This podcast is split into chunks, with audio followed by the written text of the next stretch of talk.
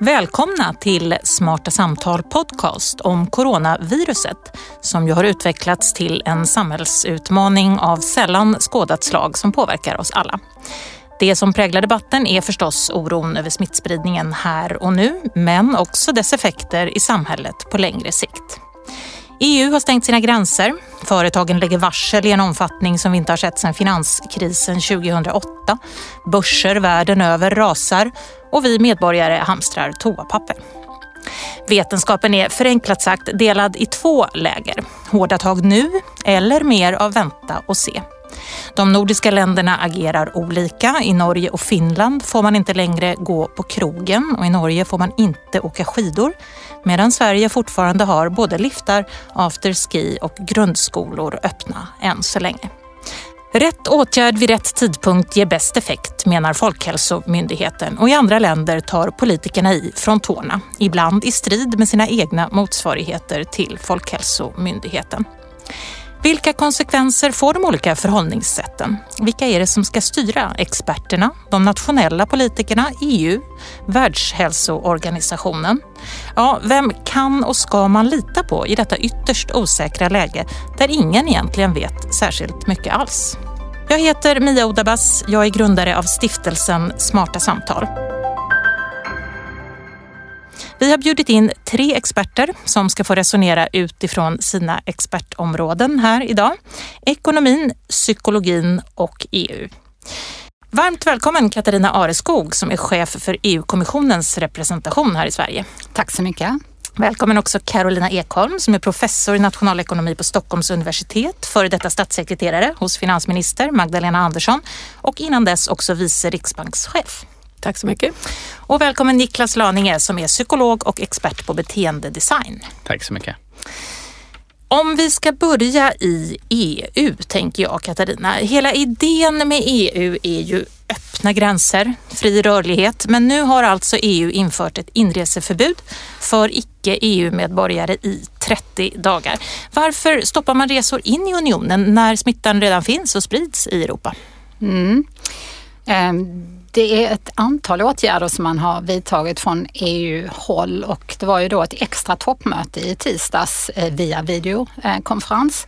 Eh, och en av de åtgärderna eh, är precis vad du säger att man då tillfället stoppar resor från tredje land in i EU, alltså de yttre gränserna. Och detta gör man för att man vill inte belasta hälso och sjukvårdssystemen ytterligare. Men samtidigt så säger man att vi också internt eh, måste se till att transporter och eh, eh flöden av medicinsk utrustning, eh, mat och så vidare eh, får flöda eh, obehindrat. Så det var samtidigt eh, en, en eh, riktlinje som antogs för att medlemsländerna inte ska förhindra sådan transport. Så å ena sidan ser man till att flödena fungerar internt och å andra sidan så försöker man att eh, att hindra eh, att vi får ytterligare externa influenser. Men man gör ett mm. antal andra saker också. Ehm, man upphandlar gemensamt medicinsk utrustning, man satsar extra på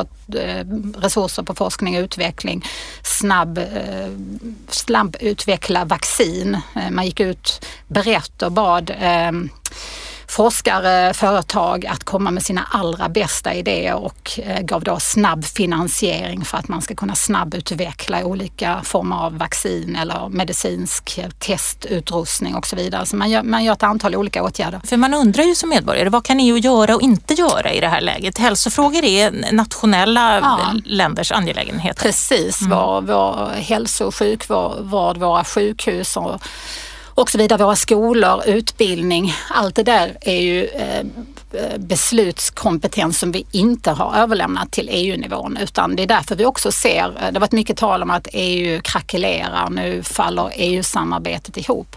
Men då glömmer man bort att vi har aldrig bett EU att hantera de här frågorna. Utan det har medlemsländerna sagt att det här vill vi gärna hantera själva så att det finns alltså inget, inget samarbete på det här området som krackelerar. Däremot ekonomi, inre marknad, eh, till viss eh, mån gränskontroller fast väldigt mycket här är faktiskt också medlemsländernas kompetens. Där kan man se att eh, e EU-samarbetet kan fatta beslut. För det finns ju precis som du är inne på där i debatten folk som tycker att det här är beviset för att EU inte fungerar för nu gör olika länder helt olika på olika områden. Det finns ingen gemensam gemensam eh, eh, approach så att säga. Är det inte ett slags bevis för att EU inte funkar? Nej, men det kan ju vara så att den här krisen leder till att man i vår globaliserade värld, jag menar det här hände ju också under finanskrisen, att man fick eh, förstärkt regelverk vad gäller banker och finansmarknadens aktörer. Det här kanske leder till att vi ser att vi även på hälsoområdet är så pass integrerade att vi måste ha gemensamma regelverk. Så det kanske blir en konsekvens av krisen. Men just idag, hälsa, hälsofrågor, utbildningsfrågor, det är nationalstaterna som beslutar om det här. Mm, men det skulle kunna leda till att det blir hälso och sjukvårdsfrågor på EU-nivå alltså? Tror ja, i alla fall i, i, i den omfattning att man ser att det finns finns en gränsöverskridande komponent som smittsamma sjukdomar eftersom vi reser idag på ett helt annat sätt än vi gjorde för 10, 20 och framförallt på 30, 40, mm. 50. Då har vi också en gränsöverskridande inverkan, vi påverkar varandra. Och eftersom virus inte tar hänsyn till några nationella Exakt. gränser heller. Carolina, du har ju erfarenhet från både penningpolitik och finanspolitik på allra högsta nivå. Så det är intressant att höra med dig. Vad tycker du? Både Riksbanken och regeringen har ju gått ut med breda paket. Eh, vad tycker du om det som har gjorts hittills? Är det adekvat? Är det tillräckligt? Eh, jag tycker att det som har gjorts hittills har ju haft eh, lämplig inriktning skulle jag säga. Sen, sen beror det ju på hur saker och ting utvecklas. Jag utesluter ju inte att man kommer behöva göra mer eh, framöver. Det är väl vad jag gissar i dagsläget. Men eh, eh, huvudinriktningen är ju, det är ju väldigt mycket fokus på att eh, se till att företag har möjlighet att eh, låna under, med, med förmånliga villkor. Så det, det, där eh, agerar ju dels Riksbanken genom att försöka eh, tillhandahålla likviditet för bankerna och eh, de är ju särskilt eh, angelägna om att det här ska användas för att bankerna sen ska låna ut till företag som behöver krediter för att klara sig över en period när de har låg intjäningsförmåga. Men där, precis, där måste man fråga. 500 miljarder har de först gett ut i räntefria lån, Riksbanken, och så ytterligare 300 miljarder köper de obligationer för, för att det ska mm. bli billigare att låna. Eh, men däremellan sitter ju, precis som du är inne på, bankerna som fortfarande gör affärsmässiga bedömningar. Hur Absolut. säker kan man vara på att de här pengarna faktiskt når ut till företagen? Men, eh, signalerna hittills har väl varit att bankerna inte behöver det här. De, de, de är inte begränsade på det sättet. De är inte begränsade när det gäller sin likviditetsförsörjning utan vill de låna ut till sina kunder så kan de göra det. Så Riksbankens paket hade ingen effekt? Här Ja, den finns ju där som en, eh, som en um, säkerhetsmekanism kan man ju säga. Så att jag tror att Riksbanken har väl gått ut med det här tidigt mer för att säga att de här pengarna ska finnas där om det börjar bli tajt med likviditet. Men just nu så behöver inte bankerna det. Vi återkommer till vad man skulle kunna göra mer då än det som tidigare har gjorts. Niklas, eh, våra beslutsfattare går ju en balansgång här måste man ändå säga. Självklart eh, så är ju prio ett att hindra smittspridningen eh, och platta ner den här kurvan som det pratas om så att sjukvården kan ta hand om de riktigt sjuka. Men samtidigt har ju också våra beslutsfattare ett ansvar för att hålla människors oro i schack. Hur ska man gå den balansgången? Oj, ja gud Alltså det... Man får kanske erkänna sig lite besegrad där i den här tiden av så många informationskällor. Alltså det är mm, helt nya, ett helt nytt landskap med vilka man lyssnar på. Alltså för länge sedan så fanns det några auktoriteter och nu har alla sina små auktoriteter vars liksom budskap kan trumfa det Folkhälsomyndigheten säger på sina presskonferenser, det som liksom DN skriver. Men på DN går ju till och med åsikterna isär om mm. hur man ska tänka och hur man ska hantera det. Så jag tror att i ett sånt här läge, om man är liksom den... För folk har ändå en tendens att lyssna på auktoriteter i såna här tider. Men det här är en svart svan. Det är helt nya vad man ser på auktoriteter.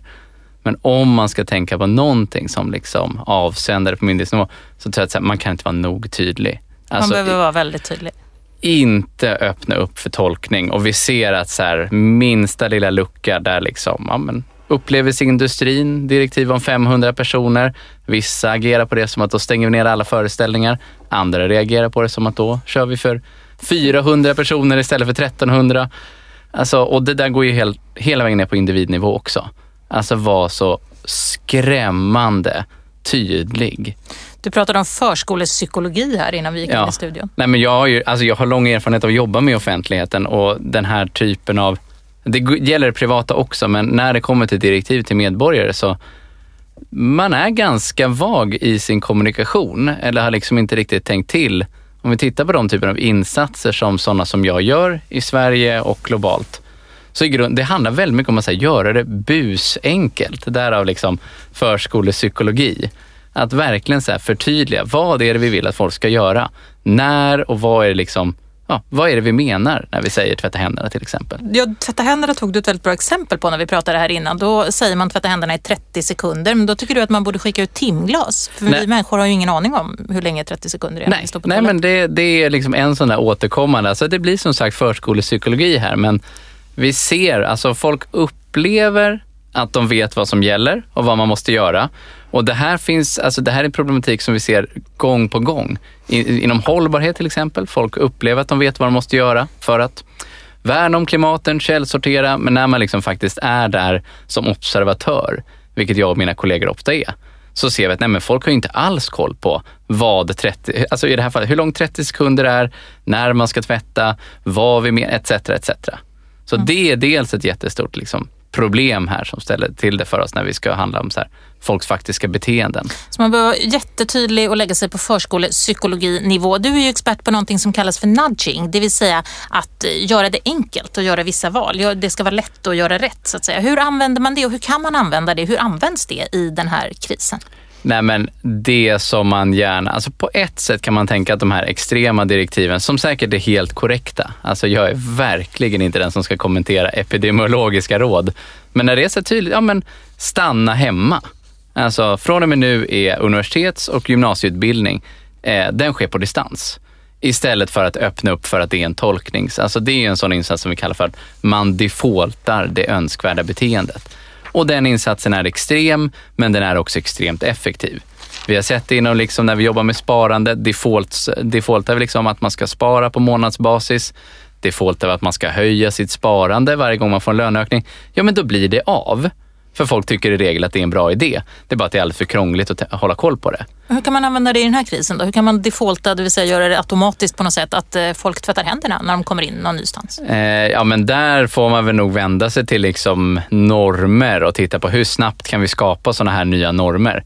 Alltså vi kan ju inte flytta våra handfat hemma, utan alltså handfaten, de är där de är. Vi kan se till att det finns löddrande tvål vid alla handfat som finns såväl diskbänken som hemma, så att det alltid är nära att tvätta händerna. Det blir mycket handtvättsfokus här, men det, det, jag tror att det är relevant. Och det andra är ju liksom att titta på, ja, men hur skapar vi de här normerna? När tvättar man händerna? De som vi vet är liksom auktoriteter på arbetsplatser, i umgängen, att de verkligen tar sitt ansvar nu. Att chefer, teamledare, att alla verkligen tänker att nej men nu, nu är det lite extra krångligt för alla här, men det är mitt ansvar som liksom formell ledare eller informell ledare att faktiskt efterleva det här. För det, alltså det är ett jätteeffektivt sätt att få ut normer snabbt. Mm. Karolina och Katarina, hur gör ni i er egen vardag och er arbetsvardag för att eh, skapa de här normerna som Niklas pratar om och efterleva de råd som finns?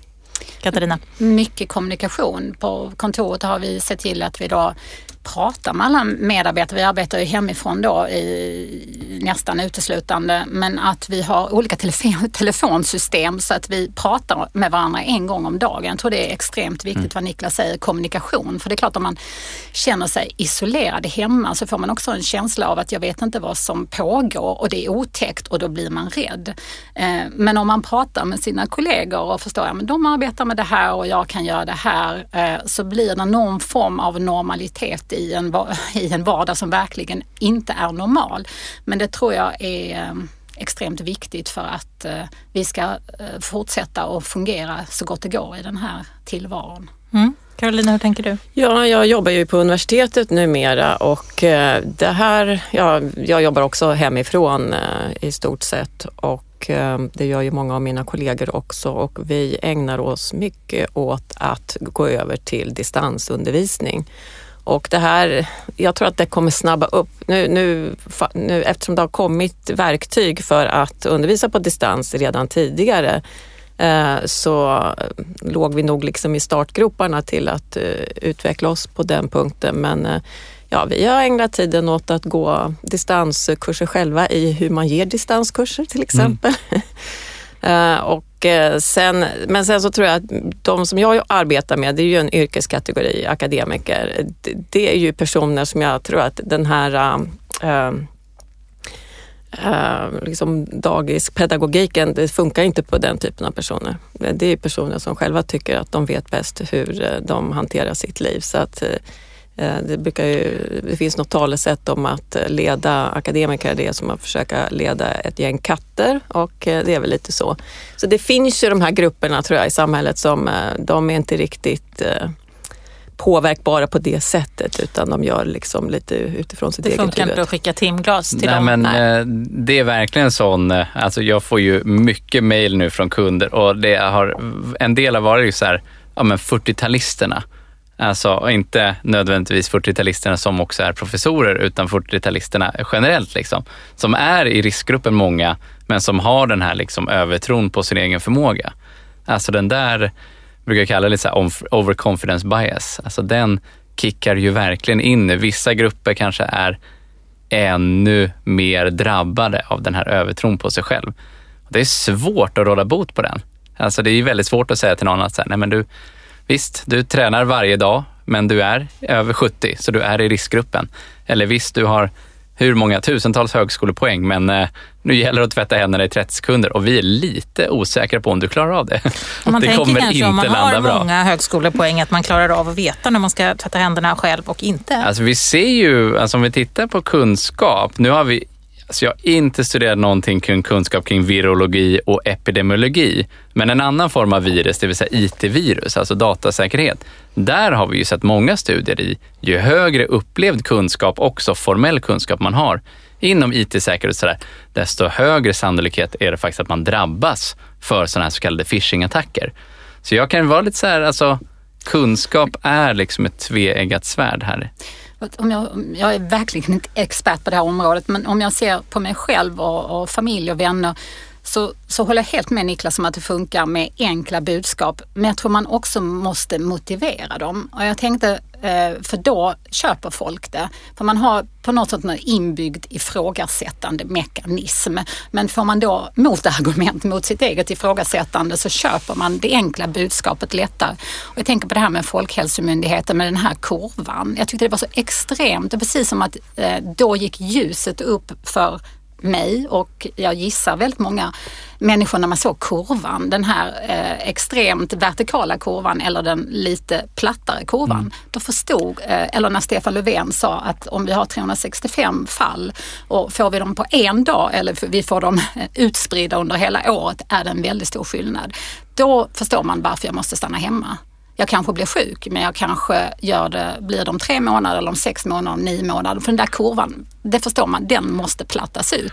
Så jag tror enkla budskap men också en förklaring av de enkla budskapen. De två komponenterna tror jag är väldigt viktiga. Mm. När det gäller politiken så är det ju idag, det finns ju ett stort eh, sociala medieflöde där det finns väldigt mycket, eh, ofta ganska upprörda röster. Hur tänker man då som politiker? Man är ju ändå folkets företrädare här och behöver å ena sidan lyssna på folket men å andra sidan lyssna på sina expertmyndigheter om de nu säger olika. Hur ska man som politiker kunna hålla huvudet kallt? Det är ju eh, en stor utmaning ska jag säga och där är ju en väldigt stor skillnad mellan Riksbanken och eh, Finansdepartementet. För på Riksbanken är man ju väldigt skyddad eh, eftersom man har ett väldigt starkt oberoende och där kan man ju liksom sitta lite instängd på, på inte på, kanske på sin egen kammare, men i sitt eget direktionsrum med de andra i direktionen och fatta väldigt impopulära beslut och det är ingen som kan göra någonting åt det. Eh, men eh, som politisk beslutsfattare så behöver man ju eh, möta väljarna hela tiden. Så att de har ju ett annat tryck på sig att kunna kommunicera sina beslut. Så då, det, skapar liksom ett, ett lite annat eh, klimat, ett hårdare tryck tror jag då när man ska sitta där och försöka under väldigt kort tid gå igenom potentiella konsekvenser av de beslut som man fattar. Mm. Men det gör ju att, jag menar jag är ju rätt så försiktig med att kritisera eh, beslutsfattare som fattar beslut under de premisserna för att eh, det tror jag inte är lätt. Det ska ingen tro att det är en lätt sak att göra. Men det finns ju faktiskt, vi har ju en, ett smitts, smittskyddsinstitut i Solna som är ett gemensamt europeiskt. Medlemsländerna eh, har olika sådana här EU-myndigheter och i, i denna stund så kan man ju säga att eh, Sverige är väldigt lyckligt lottade och har just all den här kompetensen ute i Solna som sitter och gör riskbedömningar mm. varje dag och har ett eh, verkligen koll, inrapporterad per timme från medlemsländerna vad som händer. Så att, eh, kan verkligen eh, rekommendera att man går in på eh, ECDC eller Smittskyddsinstitutets hemsida. Väldigt gedigna analyser och där får man ju, man får också länkar till de olika medlemsländernas egna hemsidor där de gör sina egna bedömningar eh, över situationen och rapporterar fall och så vidare. Och det tror jag alltid i, i sådana här lägen så är det bra att ha väldigt många källor och gå in och titta på hur situationen, situationen ser ut i olika medlemsländer. Eh, sen eh, är det väldigt svårt att kommentera vilka beslut som olika medlemsländer gör. måste man vara expert på varje medlemslands eh, situation. Så att det tror jag jag avhåller mig från mm. att göra. Niklas, vad säger du om den här skillnaden man ändå ser? Politiker är ju precis som Katarina, eh, Carolina förlåt, är inne på här så är ju politiker eh, tvungna att möta folket mm. på ett annat sätt än experterna och därför kanske också mer påverkbara av det som folket säger, i, framförallt i sociala medier nu. Vad, hur ska man balansera det där? Hur mycket av de här åtgärderna är politisk handlingskraft som man ju måste och vill visa som politiker?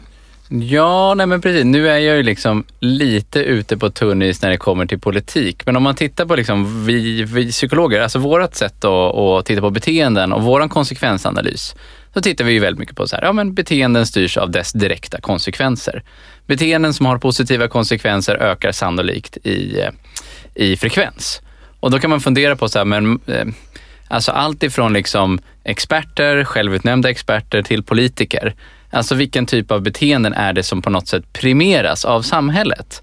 Eh, och nu blir det liksom anekdotiskt här, men jag kan väl känna att de som har en hård eh, retorik föreslår liksom kollaps. Alltså jag tar lite sådana där vändor ut i trollosfären ibland och så här, alltså hur säger de mest, hur pratar de mest extrema rösterna? Och det är ju stenhård nattsvart retorik. Och jag kan tänka mig att så här, den grundar sig väl lite i, ja men dels åsikter, men så tänker jag att det är ett beteende som har förstärkts över så himla lång tid. Att det är den man får uppmärksamhet från, det är det som folk inom citattecken vill höra. Medan de här lite mer försiktiga, alltså å ena sidan, andra sidan, det möts av kritik. Alltså en försiktig, ingen alarmism, utan säga vi följer läget. Den typen av så här expertutlåtanden som jag uppskattar personligen. Eh, men jag kan verkligen se så här, i, i liksom media och hur folk reagerar och nu har man ju en direktkanal till allas åsikter. Så är det ju extrema peka med hela handen som möts eh, Alltså på bred front är det svårt att säga, men det är de som får den stora de uppmärksamheten. De hörs och syns. Precis, mm. de hörs och syns. Mm. Det är därför man också behöver såna här samtal som vi ju gillar att ha i smarta samtal där vi pratar med fler nyanser och ingenting är svart och vitt och man kanske inte ens får svar på sina frågor när man är klar utan man har tre extra frågor. Hur ska man förhålla sig då, tycker du, när man får del av hela det här informationsflödet och myndigheterna står här och är lite försiktiga och sen så läser man sociala medier och där är domedagsstämning? Ja, nej men alltså allt det här, det här är så, så jäkla nytt rent ut sagt. Alltså så, här, så vad, vad, kan jag gå till? Jo men alltså min egen strategi är ju, alltså jag läser vår största dagstidning eh, och sen så jobbar jag på. Alltså, och vi alltså, låter jobbet fortgå och pratar med mina kunder och försöker lösa deras problem. Min frus strategi är att läsa liksom alla nyhetskällor som finns och liksom återkoppla till mig på daglig basis. Och, och, den stora frågan jag har till henne vid frukostbordet varje morgon när, de, när jag får höra Danmark har sett det här och någon sett gravida i riskgruppen, någon säger att de inte, bla bla bla. Tänker så här, ja, men på vilket sätt kommer det här påverka ditt beteende? Vad kommer du göra annorlunda givet den här informationen? Och så här, hon har ju inget svar där och jag har svårt att se att någon har ett svar på hur kommer det här påverka ens beteende? Så där kan vi liksom känna att så här, alltså när det kommer till sådana domäner där vi lätt kan oroa sig, liksom glida in i liksom någon sorts generellt ångestsyndrom nästan här. Alltså en viss avhållsamhet från informationsflödet kan nog vara vettigt. Det är så vi behandlar folk som har extrem oro. Alltså parkera din oro till några minuter per dag istället för att dra ut det över hela dagen. Minimera antalet liksom triggers som drar igång det. Så lite info-detox? Alltså jag tror att det är nödvändigt nu, eh, verkligen. För jag menar informationsflödet är ju extremt. Mm. Om vi tittar lite framåt Carolina, eh, både Riksbanken och regeringen har ju då kommit med ett antal paket. Inte tillräckligt hörs det ju från, inte minst från småföretagarna när det gäller nu det här krispaketet som regeringen kom med i början på veckan. Vad tror du kommer härnäst? Uh, ja, nu tror jag att det här att eh, en del företag inte anser att det är tillräckligt, det, det är ju ganska väntat där tror jag att det hjälper till om man inte går in alltför liksom riktat till liksom enskilda företag utan att man liksom ändå håller sig till mer generella program där företag har möjlighet att ta del av olika program som underlättar för dem. Så breda åtgärder. Vad tror du mer kommer från finanspolitiken? Ja, sen så kan man ju, det beror ju på hur lång tid det här eh, håller på, men eh, en sak som man väl kanske behöver titta över Eh, det är väl hur generösa socialförsäkringarna är. Men där kan man ju kanske behöva se över om man behöver göra de här försäkringarna mer generösa eh, i vissa dimensioner. Ja, göra ersättningsnivåerna högre eller förlänga perioden när man kan liksom ta del av arbetslöshetsförsäkring etc. Mm. Men det beror ju lite på hur saker och ting utvecklas. Och det på finanspolitiska området. När det gäller Riksbanken då så har ju Riksbanken inte sänkt räntan än så länge. Man kom ju precis upp till noll. Eh, vad tror du händer på den fronten? Finns det något krut kvar i penningpolitiken för att hjälpa till här? Ja, alltså nu blev väl tajmingen lite... För de, de höjde ju räntan i december då upp till noll och den tajmingen för det ser väl um, inte sådär uh, idealisk ut i retrospekt. Eh, men eh, man kan väl konstatera att hittills eh, så ja, de har ju själva argumenterat för att det inte är liksom en räntesänkning som är det centrala nu. Nu handlar det om att se till att det finns likviditet i systemet så att kreditförsörjningen ändå uh, fortsätter obehindrat. Tror du det finns en mental spärr för Riksbanken att igen gå tillbaka till minusränta? Ja, eftersom de höjde i december så tror jag att, eh, man, att de vill undvika att direkt sänka tillbaka. Jag menar, jag personligen skulle inte... Jag menar, jag personligen tycker att det vore ganska naturligt att ändå sänka räntan i det här läget. Men med en viss reservation. Alltså en sak som har hänt under senare tid är ju att den svenska kronan har tappat väldigt mycket i värde. Uh, och jag tror att en, en, ett skäl till att uh, kanske vissa i direktionen var lite på gärdsgården när det gäller att höja räntan var att de var oroliga för att kronan skulle stärkas på ett sätt som skulle göra det svårare att uppnå inflationsmålet. Den oron verkar ju absolut inte befogad för att nu, nu har ju kronan eh, tankat eh, ganska eh, rejält kan man säga.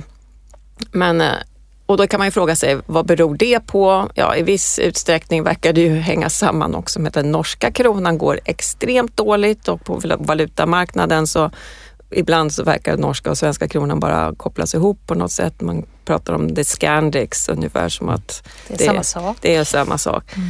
Uh, men sen vet jag inte, det kan ju också spela roll att alla ser att vi har en centralbank, de höjde räntan ganska nyligen vad blir nästa steg? Ja, de kommer, ju, de kommer ju inte kunna höja mer, utan antingen får den ligga kvar där eller så kommer de sänka igen. Tror du de kommer sänka i närtid? Ja, alltså om jag var kvar där så skulle jag ju argumentera för det, helt klart.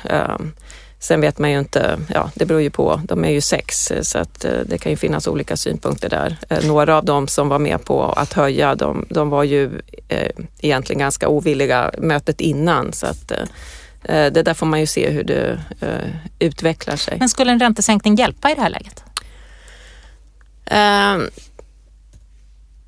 Ja, kanske på marginalen. Jag menar som vi var inne på tidigare, de här paketen där man liksom försöker eh, se till att bankerna kan få eh, låna till nollränta i Riksbanken för att sen eh, vidareutlåna till eh, företagen. Det kanske ändå inte eh, spelar så stor roll då om bankerna, ändå har de resurserna mm. och ändå deras egna kreditbedömningar leder dem till att de vill inte låna ut pengar ändå. Eh, då, I sånt läge då tycker jag att, eh, jo, att liksom sänka reporäntan, det kan väl ändå kanske på marginalen ha en viss effekt. Mm. Katarina, vad tror du att EU-politikerna gör härnäst? Nu har man alltså stängt gränserna då för inresor. Mm.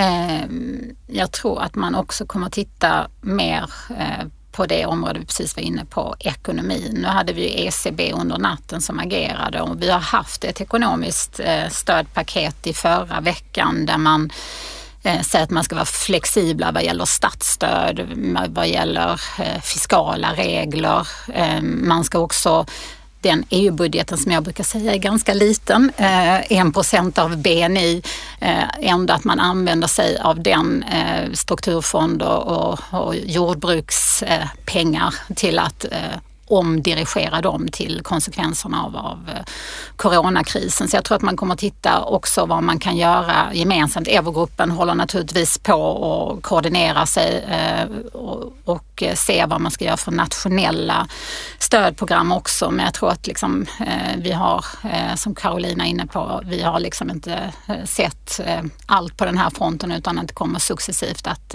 behövas mer och mer liksom en generell reflektion kanske eh, i, jag menar det är inte bara eh, en coronaviruskris. Vi har sett, vi har klimatkrisen, vi har haft migration, vi har haft finanskrisen och vi är mycket mer beroende av varandra än vi någonsin har varit tidigare och eh, händelseförloppen är så snabba eh, och det handlar inte bara om att vi behöver, eh, tror jag, liksom utbyggda EU-regelverk utan vi behöver ju också internationella regelverk som hänger samman för det här började faktiskt i Kina. Mm. Eh, hur hanterar de, ställer jag mig som eh, privatperson, till exempel fåglar och djur på deras olika marknader Alltså vi i vårt land påverkas ju faktiskt, det kan man ju tänka för 50 år sedan så var det väl ingen som brydde sig om hur de, eller de brydde sig kanske men det hade inte samma inverkan för hur man hanterar fåglar på en marknad i mm. Wuhan. Eh, det påverkar inte mig i Stockholm. Men nu skapade det en global kris. Ja, mm. eller hur? Så, att Så det här, här, slutet på det här skulle kunna vara något slags ökat samarbete och att vi kommer närmare varandra? Verkligen, mm. ser jag på område efter område. Det har ju varit uppenbart eh, vad gäller klimatförändringarna. Eh, men nu är det också väldigt uppenbart vad gäller smittsamma sjukdomar. Mm. Och det kommer mer på det ekonomiska området när det gäller EU tror du? ECB gick ut i natt alltså och säger att de stödköper statsobligationer för mm. 750 miljarder euro. Det är den mm. största mm. omfattningen någonsin. Alltså inte bara statsobligationer. ECB eh, de eh, köper andra typer av eh, Eh, värdepapper också. De köper ju direkt eh, företagsobligationer också. Mm. Och det här är en enorm insats får man säga, större än det de gjorde under finanskrisen. Hörrni, avslutningsvis, jag ska låta er slippa spå när vi är igenom detta och på andra sidan. Men ni ska få berätta vad ni tror blir de största konsekvenserna av den här coronakrisen på ert respektive område. Vad tror du Niklas? jag tänkte säga handtvätt. handtvätt. Alltså, apropå, nej, men apropå vanor, alltså så här, det, jag tror verkligen att eh, att... Eh, Vi kommer att tvätta händerna. Ja, men, eh, ja, men om man ska prata ekonomi, liksom den långsiktiga aktieportföljen ska väl ha tvålföretag, för jag tror att det är, mm. alltså den, den vanan sitter. Eh, och sen så tror jag också på jobbfronten att vi kommer, vi kommer umgås eh, lite mindre kanske resa och träffa varandra fysiskt nu när vi har lärt oss att det ändå funkar helt OK att göra vissa saker på distans. Så de två beteendeförändringarna tror jag kommer sitta i. Mm. Mer digitala möten och mer tvätta händerna. Absolut. Vad säger du Katarina? Nej men jag tror jag har väl redan varit inne på det lite grann. Jag tror att det blir en närmare, närmare samarbete vad gäller hälso och sjukvård, smittskydd, åtminstone inom Europa, men jag skulle gissa även globalt. Men, men just också vad gäller krisberedskap kanske i Europa, att man ser till att man har eh, tillräckliga lager på olika områden av skyddsutrustning och så vidare och att, att man, man inte bara ser det längre i nationella perspektiv utan man ser dem i, i större gränsöverskridande eh, perspektiv. Så jag tror att det blir, blir en större ja, större samordning och mer samarbete på det här mm, området. Mm, mer samarbete både i EU, Europa och eh, Även globalt. globalt. Mm. Kommer den här krisen att kasta in Sverige och världen i en recession? Ja, det tror jag. Det är jag ganska övertygad om. Mm. Då får vi sluta på ett lite eh, dystopiskt eh, ord här. Men jag menar med en recession, det, det är ju ändå någonting som är eh, som går över. Liksom. Det är ju en period där det blir låg aktivitet och man liksom får försöka eh, hantera det på bästa sätt och, och, hjälpa varandra att komma över den fasen. Men det går ju över sen och sen så börjar ju saker att gå uppåt igen och återgå till det normala. Mm, det känns lite bättre att sluta där än där vi var alldeles nyss ja, för 30 för sekunder sedan. Niklas Ladingen, Katarina Areskog och Carolina Ekholm, stort och varmt tack för att ni var med i Smarta Samtal Podcast. Tack så mycket. Tack. tack.